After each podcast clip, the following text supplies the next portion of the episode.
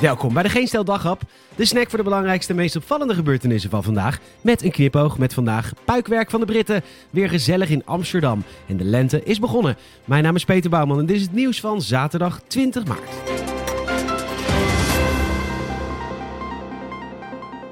Ja, het is weer weekend, dus gaan we weer thee drinken op het Museumplein. De demonstratie was niet goedgekeurd, want de demonstranten wilden zich niet committeren aan de anderhalve meter afstand.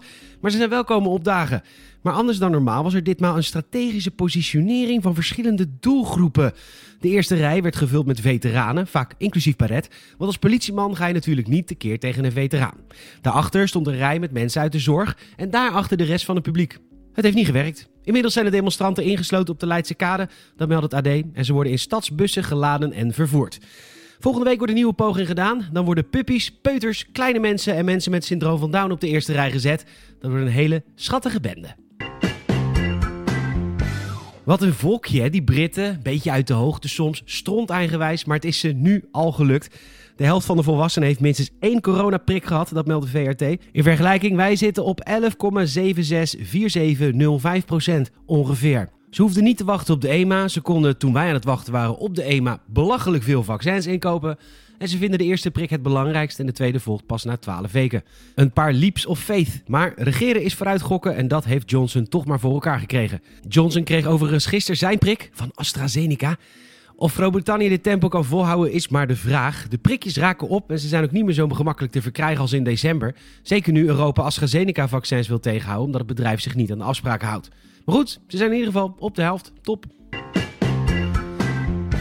Het onderzoek naar de vermeende witwaspraktijken van de ABN AMRO, of zoals wij in Rotterdam zeggen, ABN 020 RO, wordt uitgebreid. Dat meldt de NOS. Het OM verdenkt de bank van schuldwitwassen en anti-witwasregels overtreden, een beetje zoals het ook het geval was bij de ING. Bankbestuurders kunnen persoonlijk aansprakelijk worden gesteld. Dan moet er bewezen worden dat de mensen het wisten en willens en wetens hebben geholpen bij het witwassen. Er worden nu mails, appjes en andere verslagen verzameld. En ook de boete kan enorm zijn, tot 10% van de omzet. Of oud-bestuurder Gerrit Salm zich zorgen moet maken is nog niet bekend, maar dat zal wel niet. Hij is een VVD'er en die maken nooit fouten en frauderen nimmer. Het wordt lente. Of nou ja, vanaf vandaag is het lente en de komende maanden wordt het warm. Waar normaliter het weer slechts enkele dagen van tevoren te voorspellen is, zijn ook de weerdiensten coronamoe en ze dwingen het weer een keertje af. Laatste week maart wordt vrij warm, mooie voorspelling, zeker. Ook april en mei worden mooi. Oké, bizarre voorspelling. Of de temperaturen hoog zullen zijn, hangt nog af van waar hoge drukgebieden komen. Maar Weer.nl pikt het niet langer, het wordt gewoon warm. Hoe warm? Nou, minstens 15 graden, zegt Maurice de Hond. Nou, gaan we dat regelen. Dierennieuws, de otter is terug. Trouw meldt dat het goed gaat met het beestje. Sterker nog, het is het jaar van de otter, zo heeft de Zoogdierenvereniging uitgeroepen. En dat terwijl de dieren ooit uitgestorven waren in ons land. In 1988 werd de laatste Nederlandse otter doodgereden op de A7 in Friesland.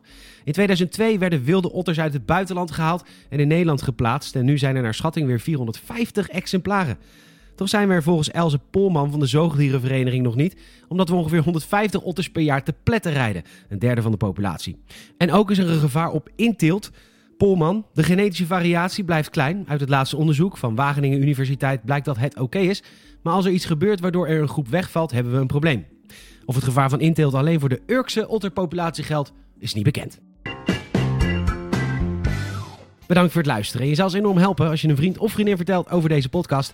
En ook een Apple Podcast review zouden we enorm waarderen. Maak er een mooie zondag van. Tot morgen.